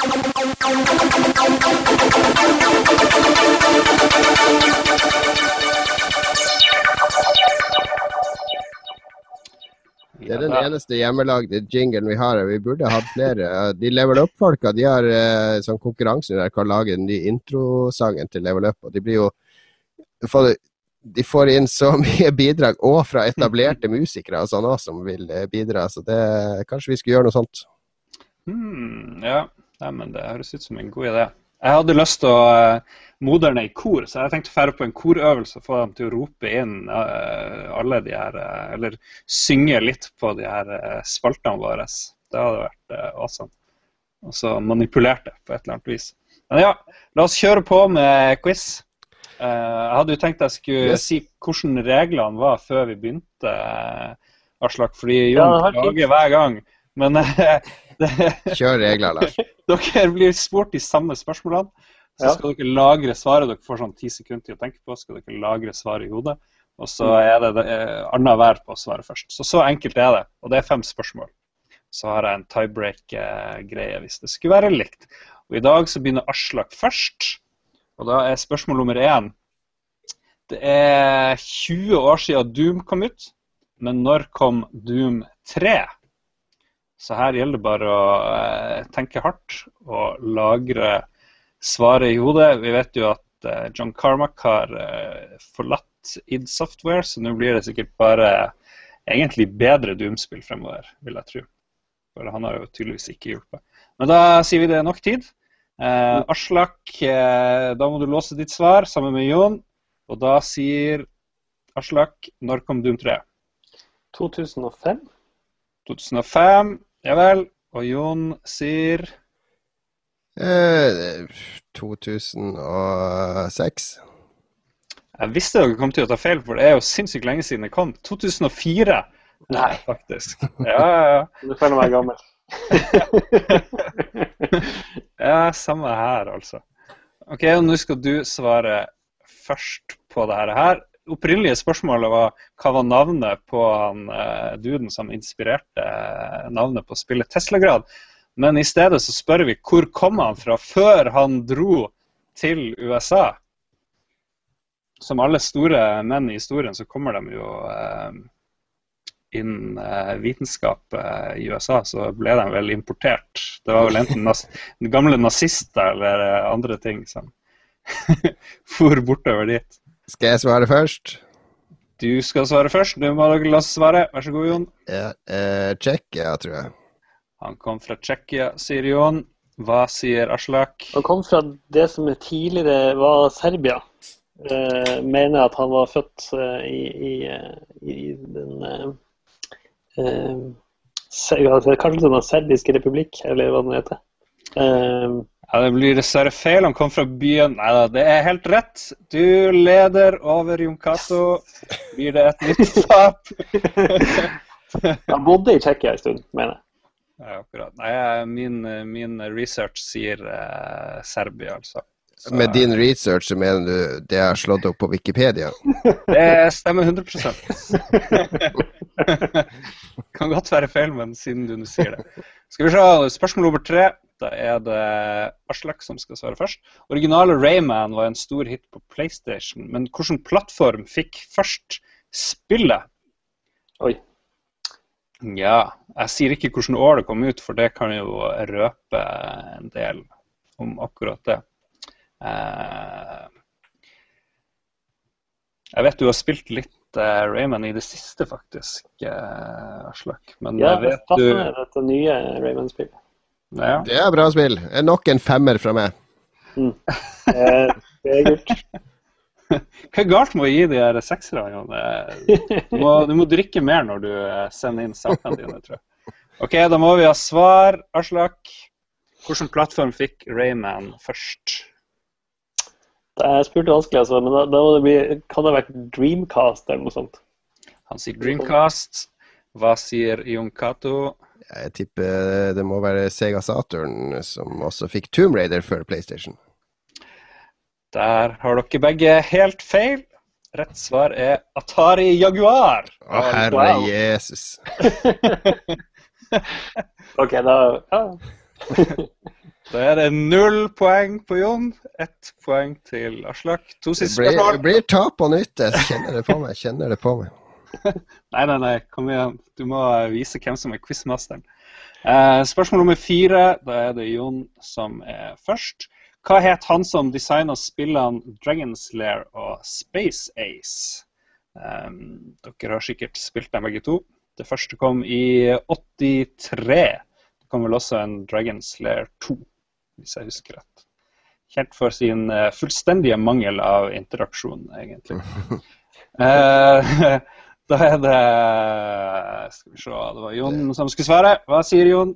Don Bluth. Han svarer Don Bluth. Hva sier Aslak? Uh, jeg vet faktisk ikke.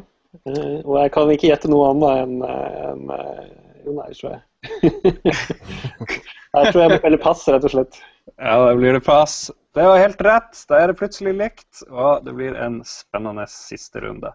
Spørsmål nummer fem eh, hvor Jon skal svare først. En populær videoblogger har karakteren Frances på YouTube og går under eh, alias eh, på kontoen sin der som Boogie2988. Hva heter han på ordentlig? Eh, det er han veldig store duden. Som, jeg, vet, jeg, vet, hvem det er, men jeg vet jo ikke hva han heter på ordentlig. Jeg kjenner han bare som Francis eller han der uh... Han sinna? Ja, sinna og hisse seg opp. Og, han hadde en morsom, Det morsomste jeg så med han, var når han, han satt og hylte og skrek om Kinect, for han hater Kinect. Fordi, fordi uh, Kinect ba han om å, å, å, reise seg opp fra sofaen hele tida, så skjønte han at Kinect trodde at han var sofaen. så,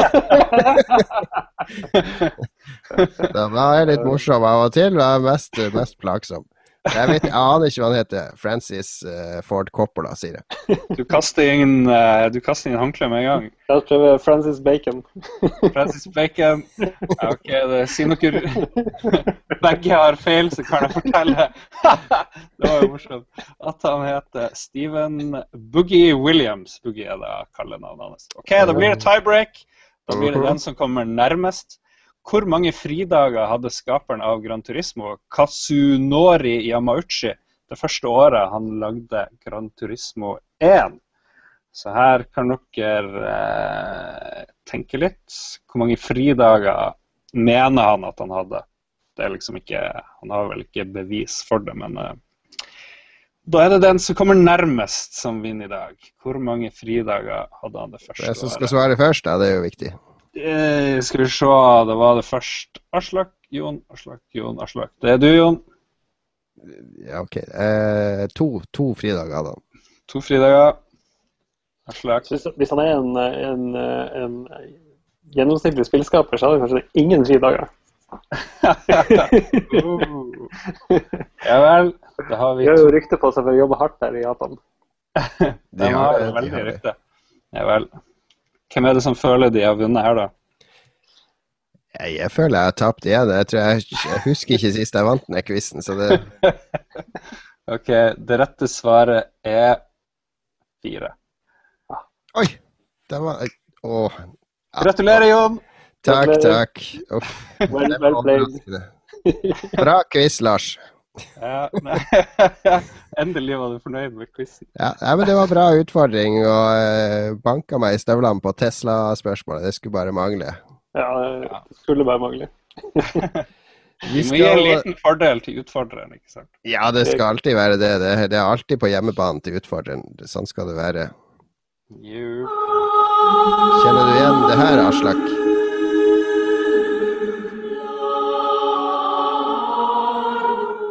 Det er uh, skrive navn-melodien til uh, Castlevania Symphony of the Night. Ah, På, uh, som kom på PlayStation opprinnelig, og Sega Saturn, faktisk. mm.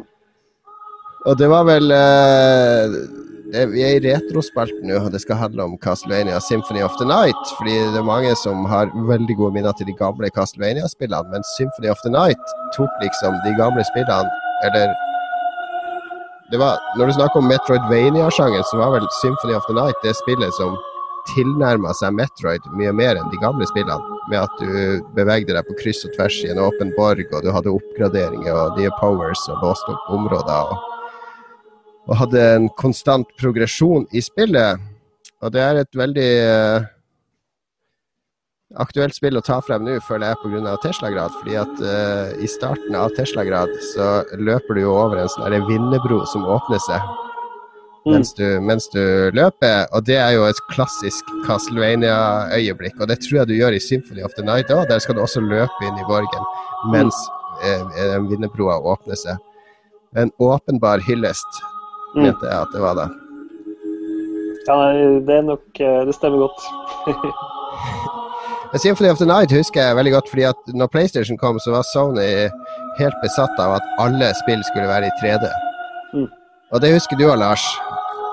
Ja. det, det, det førte til at når vi satt med, med PlayStation i start, var det Rayman som var i 2D, og så hadde du en masse ræva 3D-spill etter hvert. De folk klarte jo ikke å lage bra spill i 3D i starten. De klarte ikke å lage bra eh, 3D-plattformspill. De klarte ikke å lage bra 3D-actionspill. Det tok lang tid før de 3D-tingene begynte å sitte som de skulle. Jumping Flash var vel tidlig ute, var det ikke det? Ja, det var lanseringstittel. Det funka greit, men det var jo knøttlite spill og er over på to kvelder. Men så kom Ja. Jeg tror til og med at eh, eh, Sony hadde en eller annen kontrakt med utviklerne sine at de ikke fikk lov til å lage 2D-spill. Ja, som i Sony, liksom Sony regel. Amerika hadde faktisk det. De nekta å, å, å gi ut 2D-spill, Mm. selv om det ble laga en del i Japan. Og Castlevania var et av de første 2D-spillene der du ble påminnet om Tenk hvor kule 2D-spill du faktisk kan lage med den maskinvaren her, med de kreftene her, som er så mye bedre enn enn, eh, Super Nintendo osv. Og det var, For meg var det sånn der eh, Jeg ble så glad når det spillet kom. Fordi jeg og Lars vi satt jo og spilte Super Nintendo veldig ofte når vi hadde PlayStation. Og vi satt og irriterte oss over at spill som Krono Trigger og Donkey Kong Country og, og Yoshi's Island og sånne ting, hvorfor lagde de ikke sånne spill på PlayStation? 2D-spill med, med bra stemning og, og bakgrunner og sjarm i karakterene og sånn. Alt ble liksom sånne diffuse 3D-figurer som, som, ødela for veldig mye, og så med hele tida. Så Castlevania det, var, det, var, det åpna tror jeg porten for, for en, flere 2D-spill på, på, PlayStation, fordi det funka. Og da slapp jo folk som Treasure og andre til også å bli utgitt i Vesten etter hvert. Det var det må ha vært et av de vakreste spillene som ble gitt ut på den tida. Det, det uttrykket med de pikslene der var eh, en drøm å spille fremdeles, egentlig. Det er et kjempebra spill fortsatt. Det ble gjenutgitt på, på, Xbox Live Arcade til, eh, til, Xbox 360. Det er sikkert mulig å få tak i andre steder òg. For meg så er det det beste Castlevania-spillet av alle. Altså, jeg liker de gamle også litt mer rigid struktur og litt vanskeligere kanskje, men det her og bare det at det hadde sånn, det hadde sånn prosentmål med hvor mye av spillet du hadde runda, så jobba det opp mot 100 så bare yes, nå er jeg snart runda det, og så bare fortsetter det å telle oppover. Over 100. Så jeg, jeg, tror for å runde det hele, så må du ha 200,6 det, det, da, har du, da har du gjort alt som skal gjøres i det spillet. Så nei, det er en, en ekte klassiker, og uh, ja, jeg liker de, de Gameboy-spillene og minner jo mye om, om, Symphony of the Night. Så eh, jeg liker når, når, Konami henter tilbake det som var det opprinnelige Castlevania. Det er vel veldig mange som er enig med deg, Jon. Det er jo bare å se på Tesla-grad og mm. Owlboy og alle de andre utallige indiespillene som bruker nettopp den stilen, eller er inspirert av den æraen, egentlig. Så men det er vel eh, mye old farts som gjør det. Men, eh, så jeg er litt spent på om ungdommen eh, kan ja, det, til det her. Det er interessant. Jeg, har testa spillet vårt på noen veldig unge spillere, og de virker som de syns det er interessant. men om de liksom klarer å holde, komme seg forbi en liksom, harde vanskelighetsgraden, er vanskelig å si.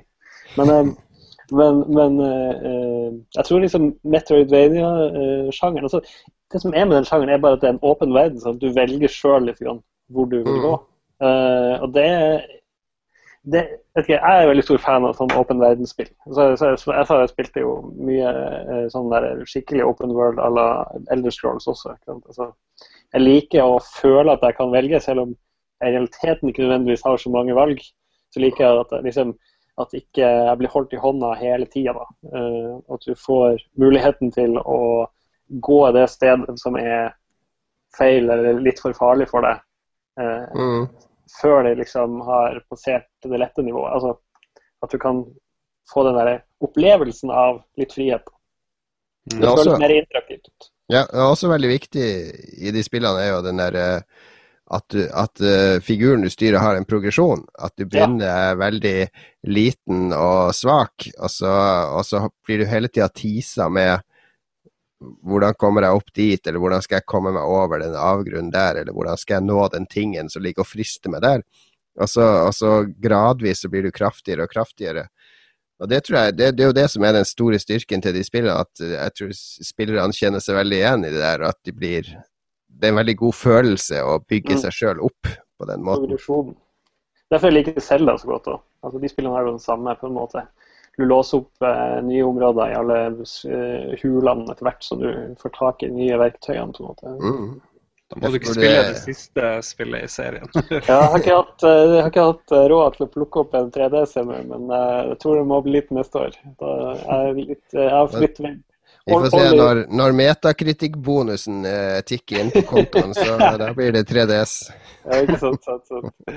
Jeg har eh, artigrekken vår har prøvd å pushe det på oss, eh, eller i hvert fall på meg ganske mye. så jeg må vel la meg overbevise. Jeg er jo veldig stor Selda-fan.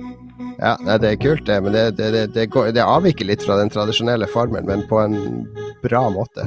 Bra måte. Så, så det bør du absolutt spille. Vi nærmer oss uh, slutten.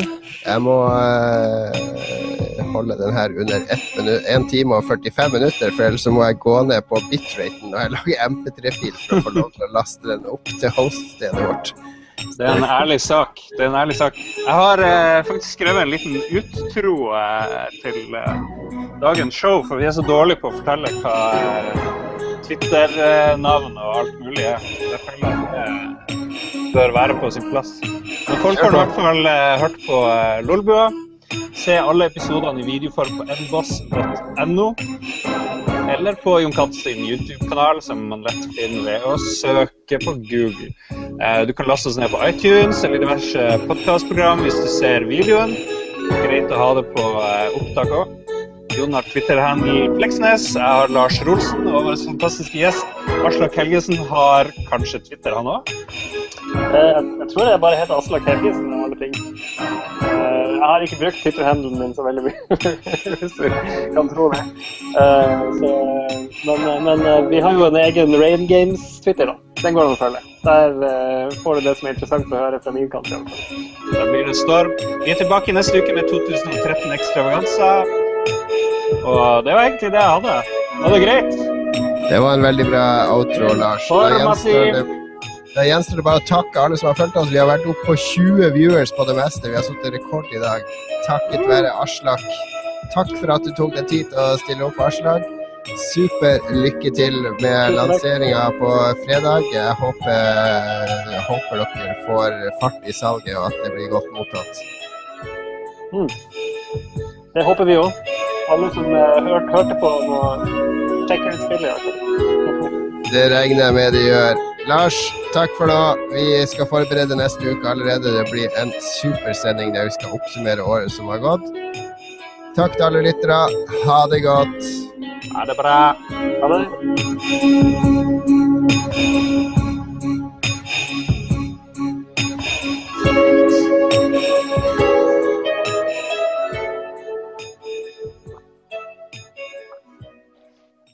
Har du et enkeltpersonforetak eller en liten bedrift? Da er du sikkert lei av å høre meg snakke om hvor enkelt det er med kvitteringer og bilag i fiken, så vi eh, gir oss her, vi. Fordi vi liker enkelt. Fiken superenkelt regnskap.